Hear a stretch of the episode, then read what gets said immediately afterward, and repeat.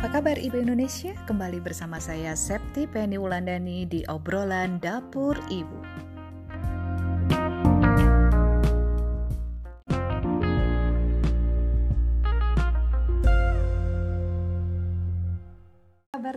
Semuanya.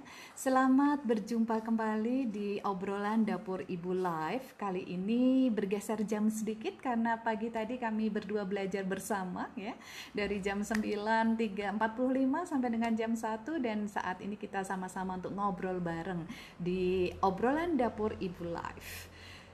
Obrolan kali ini akan makin seru karena kita akan bicara tentang keseharian kita dan saya kembali ditemani oleh Pak Dodi Marianto.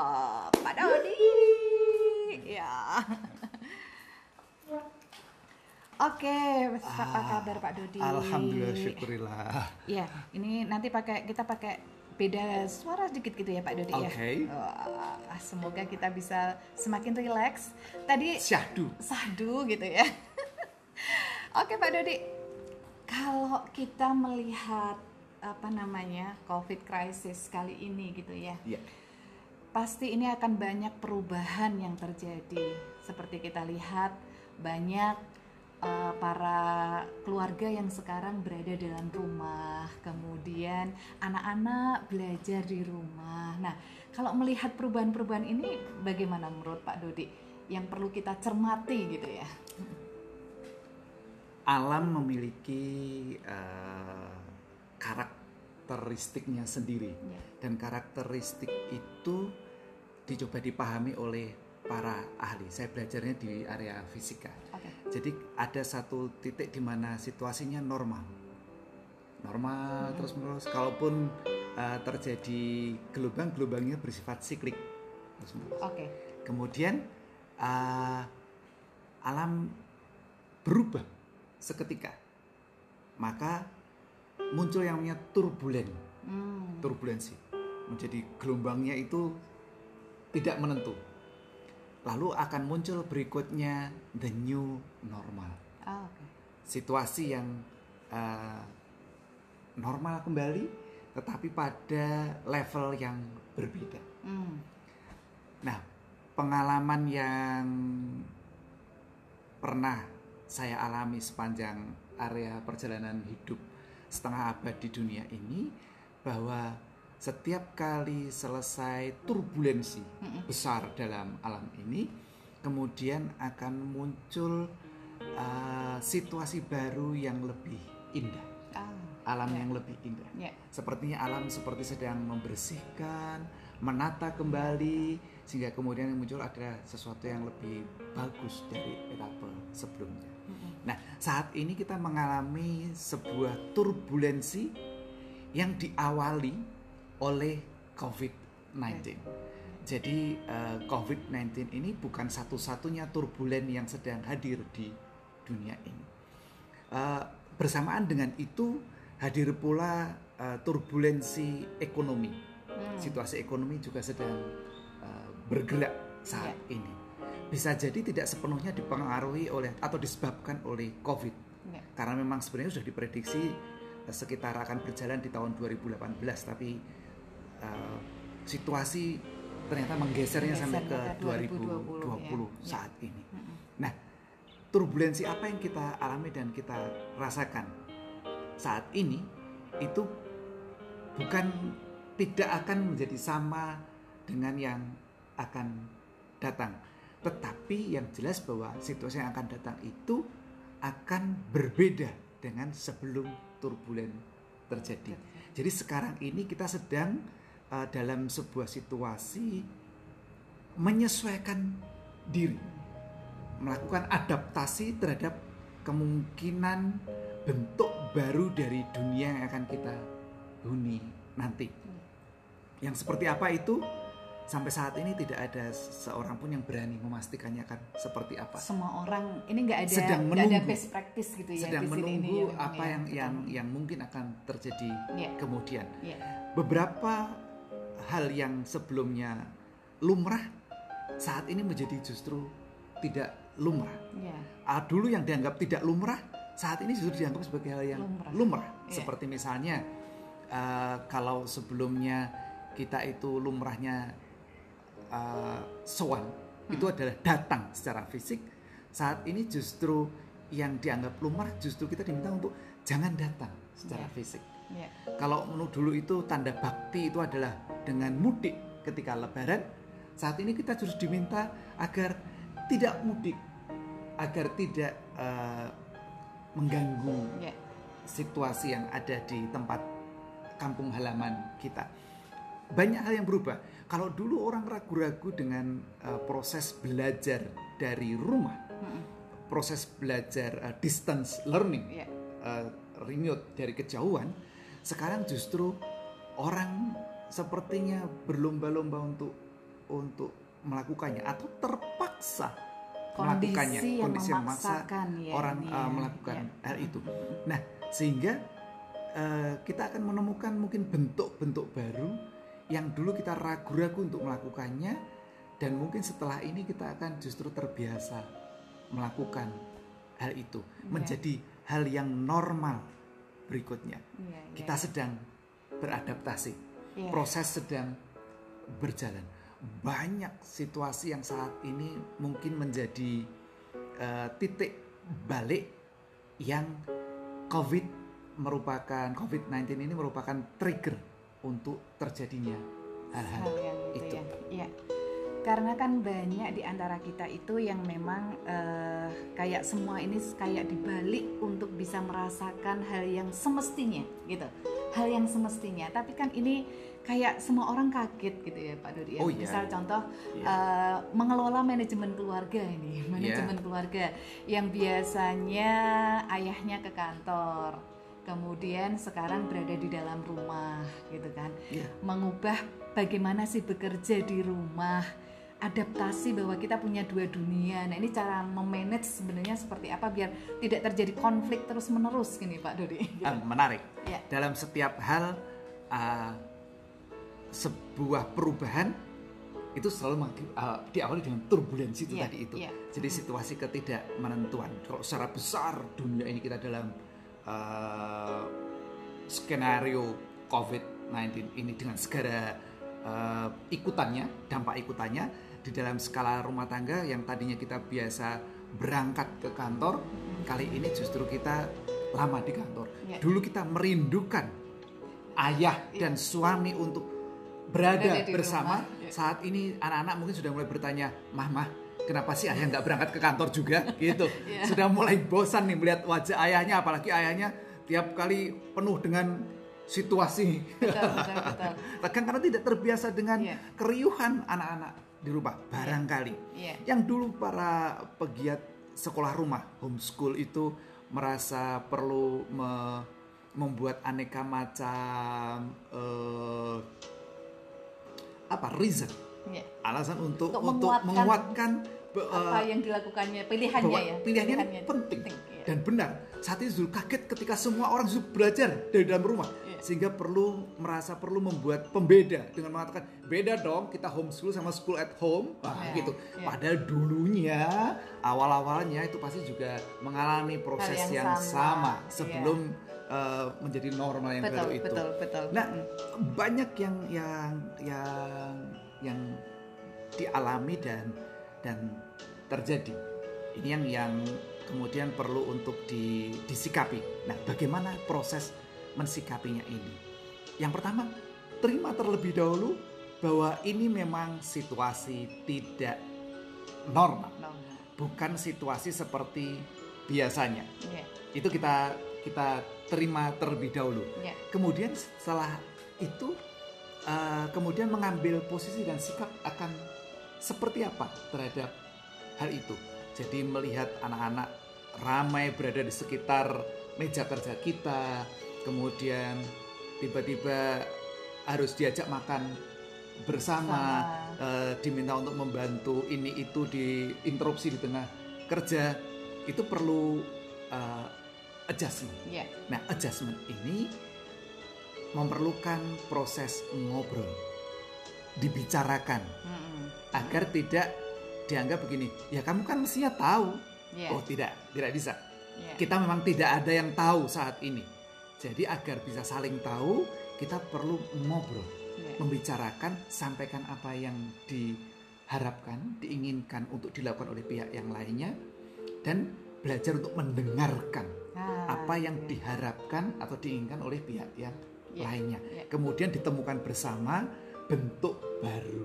Ya. Jadi ketika bekerja barangkali uh, kita akan menetapkan kalau ayah sedang berada di meja ini artinya ayah sedang bekerja ya.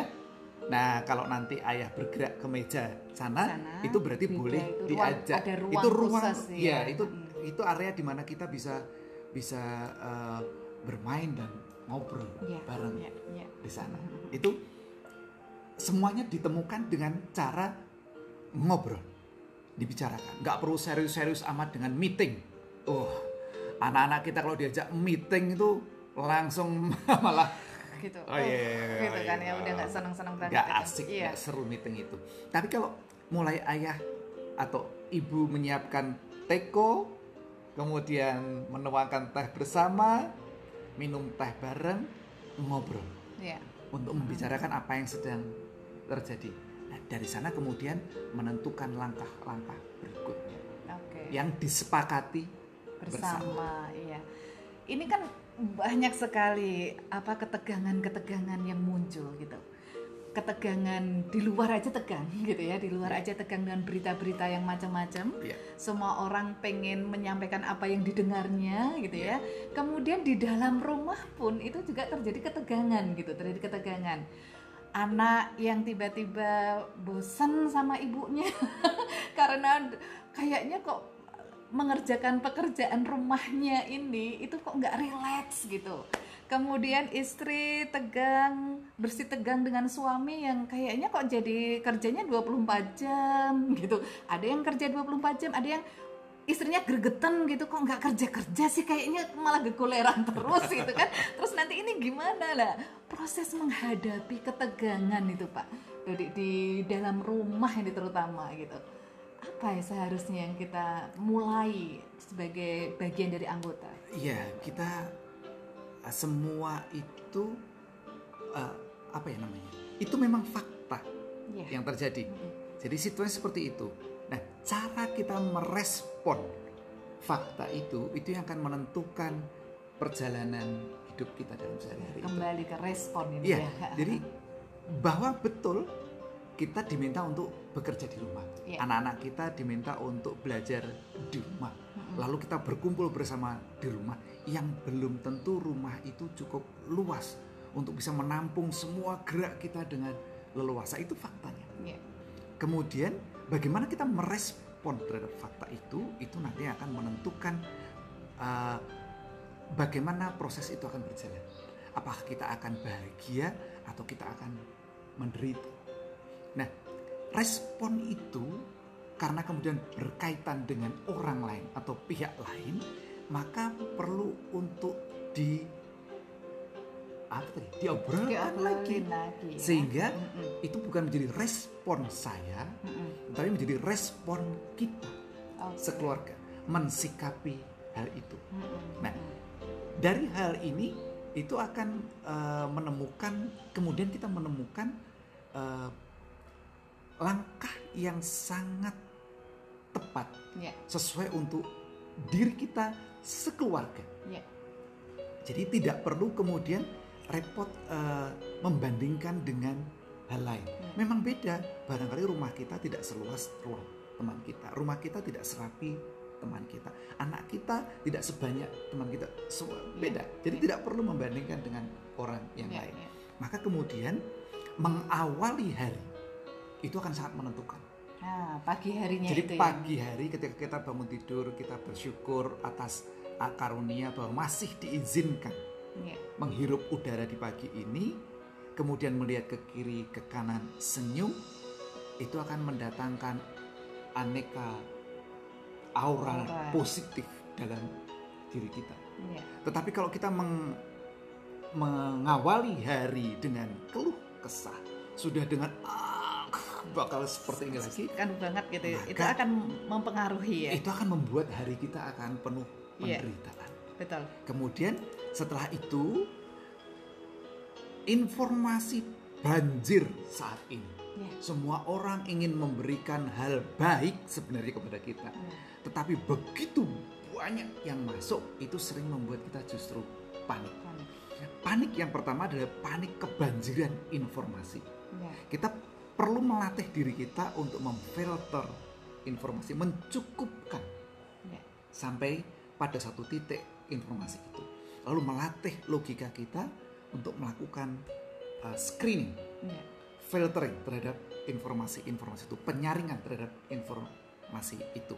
Nah, kepanikan yang kedua adalah uh, rasa apa yang namanya ya, seolah-olah kita ini kurang informasi. Nah, iya. Jadi justru karena saking Iya, banyaknya banyaknya. informasi, kita merasa, oh jangan-jangan ada yang Ada kita yang tidak nggak tahu. Iya. Jangan-jangan ada yang kita belum tahu padahal penting. Iya. Itu menanggulkan kepanikan justru di tengah banjirnya informasi. Iya, iya, Nah, Ini perlu latihan. Latihan bukan hanya untuk diri kita, tapi juga latihan sekeluarga kita. iya. Saran saya adalah batasi jumlah informasi itu saat ini. WhatsApp grup dan Banyak aneka banget grup gitu ya. yang lain itu cukupkan yang perlu saja saat Oke. ini agar kita tidak bingung sendiri dengan situasi yang ada.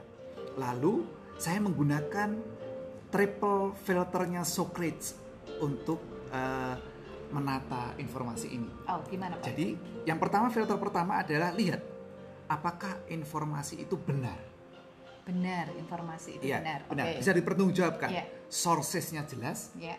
yang mengatakannya jelas, dan eh, apa namanya menyatakan hal yang jelas, fakta, data. Hmm. Nah, setelah benar, Ya. lalu kita filter berikutnya masuk. Jika benar maka lanjut, jika tidak langsung delete itu Hmm. hal itu. Jika oke benar masuk nih. Ya. Apakah informasi itu baik? Hmm. Karena ada yang benar tapi belum tentu baik, Baik. buat kita saat ini. Hmm. Misalnya nih ya, informasi tentang aneka macam kekejaman di sebuah arena. Ya.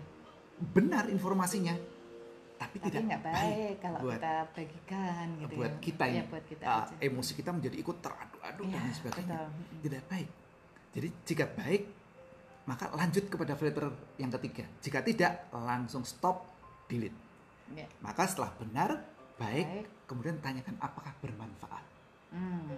jika bermanfaat jadi yang benar baik belum tentu juga bermanfaat Ya. itu misalnya nih ya uh, bagaimana cara menanam cabai yang baik Ya. yang benar Yang benar. benar baik Iya. baik bagaimana bisa menumbuhkan cabai menghasilkan cabai yang yang uh, bagus lebat baik tapi dibagikan kepada para dokter yang sedang sibuk dengan uh, COVID ini, penanganan, penanganan COVID, ini COVID. itu tidak bermanfaat Tidak saat bermanfaat ini. untuk dokter gitu Iya. ya. Ya. Jadi jika tidak bermanfaat, stop pada diri kita saja atau Iya. delete. Jika bermanfaat, baru dibagikan. Ya. Tiga ini benar, baik, Baik. bermanfaat. Barulah itu boleh kita serap atau kita share kepada pihak Iya. yang memenuhi kriteria itu. Iya. Benar, baik, dan bermanfaat. Iya. Jadi bermanfaat itu harus ditentukan untuk siapa nih. Iya. Kalau untuk di sana tidak bermanfaat ya nggak usah dibagikan. Itu memenuh menuh menuhin membanjiri informasi dengan hal yang tidak bermanfaat buat orang Iya, lain. iya, iya. Itu membuat eh, waktu teman-teman kita yang kita banjiri dengan informasi yang tidak bermanfaat itu menjadi eh, low, Iya. kosong begitu, tidak bermanfaat nanti Iya, di sana. Iya, itu penting untuk mengendalikan jempolnya Oh gitu iya, ya. iya. Jempolnya itu se- sebelum nge-share, sebelum melakukan sesuatu perlu menggunakan filter ini tadi. Iya. Benar, baik, manfaat. Bermanfaat. Iya. Urutannya seperti itu. Iya. Benar. Jadi begitu sudah tidak benar, ada informasi tidak ada sourcesnya, saya sudah akan langsung delete. Iya. Tidak peduli bentuk informasinya itu apa. Iya, iya, iya. Mau kelihatan bagus ada ayat-ayatnya di sana, mau apa, saya sudah akan langsung delete karena tidak ada sourcesnya. Saya tidak bisa men-trace balik apa dari mana nih sumber hal ini. Iya, iya, iya. Itu jelas. Iya. Meskipun ada nama nih, misalnya yang baru baru beredar nih, Apa, Pak? mencatut nama seorang kiai yang sangat baik di sana, tapi tidak mencantumkan dari mana sumbernya, Hmm. Sumbernya. saya langsung delete. Karena berikutnya saya segera datang berikutnya klarifikasi dari beliau bahwa itu bagus tapi bukan tulisan saya. Ah, kadang saya kita terkecoh, delete. terkecoh di situnya ya. Iya, iya, iya. iya, iya, iya, iya. Ah, menarik ini teman-teman. Jadi buat yang masih ada pertanyaan tentang seputar menangani COVID krisis kali ini di tangan keluarga kita, nah silahkan untuk klik komen di Facebook group, eh, di Facebook Live atau eh, di podcast dengan voice message ya. Pak Dodi, pengalaman Pak Dodi ini apa namanya dari employee kemudian menjadi self employee, kemudian sekarang business owner. Nah, perubahan awal dulu ini pasti di- dirasakan oleh teman-teman yang sekarang work for- from home gitu ya. Mulai dari pergi pagi, pulangnya petang bahkan malam gitu ya, Bang malam rutin setiap hari seperti itu, kemudian mengubahnya di dalam rumah. Nah, bagaimana nih masa transisi yang harus dijalankan oleh pribadi masing-masing gitu ya untuk untuk mengubah karena pasti kan pertama "Hah, gimana ya gitu ya gitu semua tanya kemudian diri kita juga bingung sendiri gitu Itu Nah, betul. iya Jadi tantangan terbesar itu adalah dari tetangga. iya kalau sendirian ya kalau ini masa covid ini ya, semuanya di rumah itu, ya gitu. Nah, kalau teman-teman sekarang ini uh, Anda beruntung bahwa karena memang seluruh dunia sedang berubah. iya Jadi kalau teman-teman ingin melakukan sebuah perubahan, inilah waktunya. iya Mumpung semuanya sedang dalam proses berubah. Sehingga tidak akan dianggap sebagai sosok yang aneh, aneh. gitu ya. Karena memang semuanya sedang berubah berubah. Jadi kalau teman-teman ingin melakukan perubahan, sekarang waktunya. Karena setelah tadi turbulensi, ya akan ada orang yang ingin balik ke kondisi awalnya. Itu selalu ada. Hmm. Jadi yang tadinya misalnya nih ya, eh, sekolah saja. Sekolah sekarang yang tadinya di ruang kelas, di sebuah gedung bernama sekolahan, sekarang diminta semuanya berada Bisa di rumah. depan laptop Di sekarang depan ya laptop di rumah semuanya. Iya, iya, iya. Lalu suatu saat barangkali juga akan dikembalikan lagi ke Sekolah. gedung sekolah Iya. lagi, ke ruang-ruang kelas lagi. Iya, Misalnya seperti itu. iya, betul. Itu namanya setelah uh, proses krisis akan kembali ke ke Iya. apa? Seperti seperti seperti tahap awal sebelum krisis. Nah, Iya. atau kemudian kita akan menentukan untuk setelah krisis kita akan berubah Iya. kembali ke tidak kembali ke posisi awal tapi menentukan bentuk baru dari diri kita jadi seperti kalau misalnya proses belajar tadi begitu sudah uh, sekarang ini belajar dari rumah dan tidak di gedung sekolah barangkali kemudian akan meneruskan proses belajar tidak dari eh, tidak di gedung Tidak di sekolah gedung sekolah, tapi tetapi dari- tetap dari rumah. dalam rumahnya Iya. barangkali seperti itu Iya. yang tadinya bekerja itu di kantor kemudian saat ini dipaksa bekerja di rumah ada yang suatu saat nanti akan kembali ke rumah Iya. lagi eh ke kantor, Ke kantor lagi, lagi, tapi ada yang kemudian menentukan ah saya akan meneruskan proses berubahnya ini itu semua tergantung kepada uh, diri kita masing-masing dalam menentukannya Iya. tetapi pada tahap yang semuanya bersama-sama berubah ini proses perubahan yang Bapak Ibu ingin lakukan menjadi relatif lebih mudah dibandingkan sendirian berubah. Seperti puasa di bulan Ramadan ini lebih ringan Iya. dibandingkan Puasa puasa-puasa ya. pada hari-hari di luar bulan Ramadan Betul, di mana betul, semua betul. orang yang lain tidak puasa lalu kita puasa sendirian itu Iya. menjadi jauh lebih Iya. berat. Seharusnya ketika bersama-sama ini perubahannya lebih cepat ya Pak Dodi ya. Bisa jadi. Seharusnya, seharusnya jadi. ya. Bukan mungkin tidak lebih tidak harus lebih cepat ya karena karena kita tidak juga di masa krisis Iya, ya kan berapa sampai lama. Tetapi lama. menjadi lebih mudah. Oke. Mungkin juga tidak lebih mudah, tapi lebih terasa ringan Iya. karena semua orang menjalankannya. sama-sama sedang mengalami perubahan. Iya. Ya. The new normal. Ini tadi yang satu kata yang Pak Dodi sampaikan tadi. The new normal ini penting banget ini bagi kita untuk memahami bahwa apakah kenormalan kita berubah gitu kan? Kenormalan kita berubah. Kemudian apakah kita mau membawa kenormalan baru ini pada kehidupan kita kelak nanti ketika sedang covid krisis ini sudah eh, selesai gitu ya sudah selesai.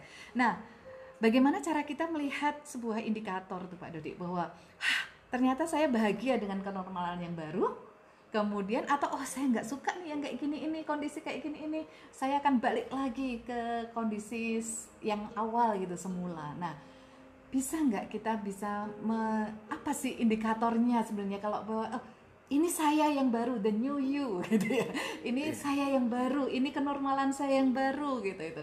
Ya, kembali Bu Septi memberikan saya sebuah pertanyaan yang penuh arah. Karena Bu Septi menyebutkan indikatornya. Indikatornya buat saya adalah bahagia, oh rasa oke. bahagia. Apakah saya menyukai?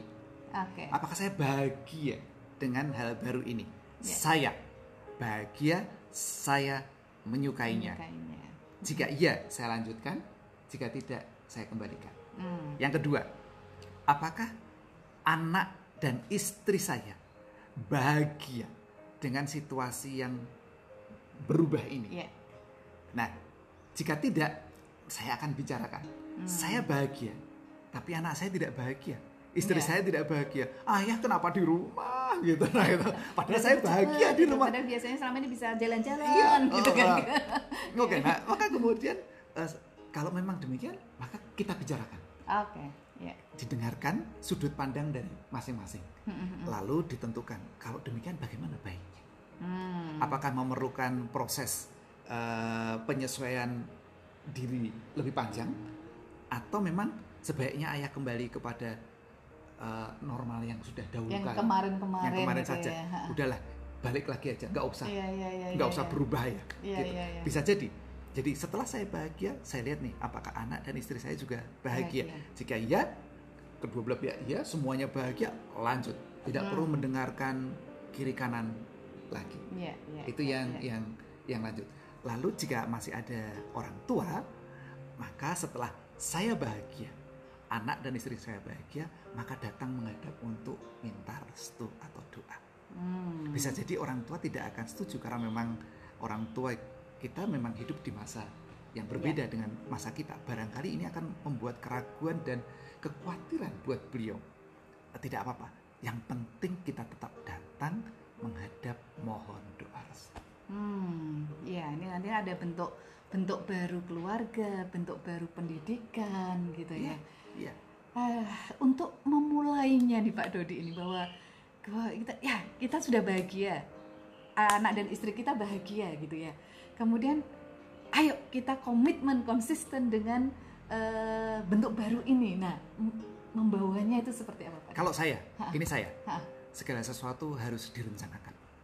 Jadi ketika keputusan sudah dibuat, pertimbangannya sudah matang, Mm-mm. keputusan dibuat, maka kemudian disusun rencana langkah ke depannya akan seperti apa. Hmm. Tanpa rencana, kita tidak tahu arah yang kita tuju, kita tidak tahu jalan yang sedang kita jalani, dan kita tidak bisa monitor dan membuat evaluasi. Hmm. Karena apa yang mau kita monitor, apa yang mau kita evaluasi, Nggak kalau tidak ada yang direncanakan, ya. Maka dengan menyusun rencana, kita menjadi punya direction, kita punya Hmm. arah, kita punya jalan yang hendak ditapaki. Hmm. Karenanya kemudian kita bisa menyusun milestone, Oke. eh, ukuran-ukuran yang disepakati bersama untuk memonitor dan mengevaluasi. Hmm. Dari monitoring dan evaluasi itu kita mendapatkan feedback. Dengan adanya feedback, maka kemudian kita bisa melakukan tindak lanjut, koreksi atau ha, langkah-langkah ke depan Iya. yang akan kita lakukan. Nah, iya ya. Jadi memang perlu rencana dan biasanya kalau sudah merencanakan itu ada yang kekeh memegang rencananya dipegang terus menerus sehingga stres gitu ya. Ada juga yang eh, ya tulis rencana kemudian lihat nanti perjalanannya gimana gitu. Nah, gimana nih Pak Dodi kalau yang ada yang seperti itu gitu? Sebuah rencana tidak akan ada artinya kalau tidak ada Dilepas. monitor dan evaluasi. Oh, Oke. Jadi ketika sudah punya rencana, maka tentu ada monitoring. Iya. Monitoring itu kalau di rumah ya nggak usah pakai meeting. Sekali lagi cukup ngopi, ngeteh bareng, Mm-mm. lalu ngobrol. Hmm. Sudah sampai mana nih kita? Iya. Perjalanan kita sampai mana nih? Kita lanjutkan atau kita tentukan arah baru atau kita balik arah terlebih dahulu. Iya. Semua ditentukan setelah ngobrol. Jadi tanpa monitoring kita tidak tahu, uh, kita tidak mengerti feedback apa yang sudah Tidak. yang sudah kita dapatkan. Jadi misalnya Iya, gampangnya begini nih, eh, kita kemudian menetapkan, eh, oke deh, ayah mulai sekarang akan melanjutkan bekerja di rumah, tidak lagi di kantor. Mm. Setelah satu bulan dilihat kok nggak dapat pendapatan ya, Ya, itu kan mulai panik gitu. Ah, kan kan? Iya. Maka ngeteh, ngobrol, ngopi. Mm-mm. Apa yang harus kita lakukan? Tetap lanjut atau mengambil arah yang lain? Mm. semuanya kan dilihat pudi-pudinya dilihat nih apakah eh, cadangan masih cukup untuk 2-3 bulan ke depan sehingga kita bisa tetap lanjutkan kekuh dengan yang sudah kita putuskan mm, mm. atau kita terpaksa harus menentukan alternatif solusi Mm. bisa sementara bisa selanjutnya Iya, sementahun gitu ya. Iya. Sementara Semuanya. sementara, iya. sederhana apa eh, nalar nalar kita kita gunakan dengan dengan sebaik-baiknya dan nggak perlu apa ya pertentangan ya Pertentangan. Eh, Tahu ya pertentangan ya? itu bersih tegang Bersih sekeluarga eh, adu argumentasi dan sebagainya Iya. di dilihat dicermati kemudian diobrolin diambil keputusan Iya, iya. langkah selanjutnya Ah, menarik karena Pak Dodi ini pernah mengalami masa krisis seperti ini sudah berapa kali ya Pak ya? setidaknya setidaknya yang saya ingat ini Iya. eh, tahun 74 tuh saya sudah sudah merasakan umur-umur itu saya sudah masuk SD Wah, sehingga saya SD, sudah saya baru merasakan lahir. ya bro. sudah merasakan hal Oke. itu kemudian tahun 78 ada lagi krisis yang saya rasakan 78. ya tahun 78 Nah, kemudian iya. tahun 80-an itu di tahun sekitar 82 83 itu Iya, krisis berjalan ketika saya mulai masuk SMA iya. kemudian di tahun 88 saya mengalami krisis yang besar dan saya termasuk yang terhempas Iya, Di dalamnya. karena krisis itu ya. iya saya bagian dari krisis itu entah di porsi yang mana Iya. 88 saya mengalami itu 88, kemudian terus 98 98 itu 98. kembali saya menjadi bagian dari krisis itu dan sudah membawa anak istri ya? iya Ya, itu. di 88 saya belum membawa anak istri Iya. tetapi saya masih punya pegangan kuat bapak ibu sehingga Iya. tahun 88 itu saya mendapatkan sebuah surat pusaka dari bapak Ah, yang berisi perintah, Perintah. Heeh, semacam Surat surat, perintah, perintah, gitu ya. radiogram dari bapak tentang apa, apa, yang, yang, harus dilakukan gitu? ya, yang perlu Hmm. saya lakukan Iya, untuk iya, iya. hal itu. Kemudian 98 saya sudah punya safety NS dan ARA, Ara, ya masih, bayi, usia 2 dan 1 satu tahun. tahun, ya. Kemudian tahun 2003 Tiga. 2003 kembali mengalami hempasan Dan lahir Elan, lahir Elan saat Iya. itu. Saat itu lahir Elan ya, 2003 kemudian 2008 delapan, ah, 2012 ya. 2012 wah ini dada deg-degan Bu Septi ini ketika saya sedang berada di masjid eh, di kafe itu Bu Septi ini sampai di tengah jalan ketika mengantar makanan untuk saya itu sampai hilang pandangan kosong bingung karena menghadapi situasi yang Iya, iya. luar biasa saya berterima kasih karena Bu Septi melewati masa-masa itu dengan dengan luar biasa tidak mengganggu etikaf saya dan tetap eh, tangguh menjalani hal itu keren gitu. dan terima kasih sekali kemudian sebenarnya Sekarang ya. iya Eh, sudah ada naga-naga di 2018 Sebenarnya mundur-mundur sudah ya. Hah, Ternyata ini situasi gongnya yang ada di 2020. luar Ya. biasa Ya. dan ini unik berbeda dengan eh, krisis-krisis di Ya. etapa-etapa Kami sebelumnya semua merasakan soalnya ya. Wow. global Wow, gitu ya Pak Dodi ya. luar biasa Dan eh, saya selalu melihat bahwa setiap kali krisis itu ada sisi optimis di Pak Dodi itu ya. Sisi optimis bahwa yang saat yang lain itu pesimis, kemudian aduh lumrah banget gitu kan. Tapi Pak Dodi itu selalu ada sisi optimisnya gitu, sisi optimisnya dan yakin bahwa ini akan ada hal baru, ada sesuatu yang baru dari keluarga kita, dari negara kita, dari bumi ini yang ada. Nah, bagaimana memunculkan rasa optimis di tengah krisis, Pak? Ini Ya. terakhir nih, Pak ya. karena itu memang catatan sejarah yang saya alami Ya, setiap kali selesai krisis selalu muncul sebuah kehidupan yang lebih indah hmm.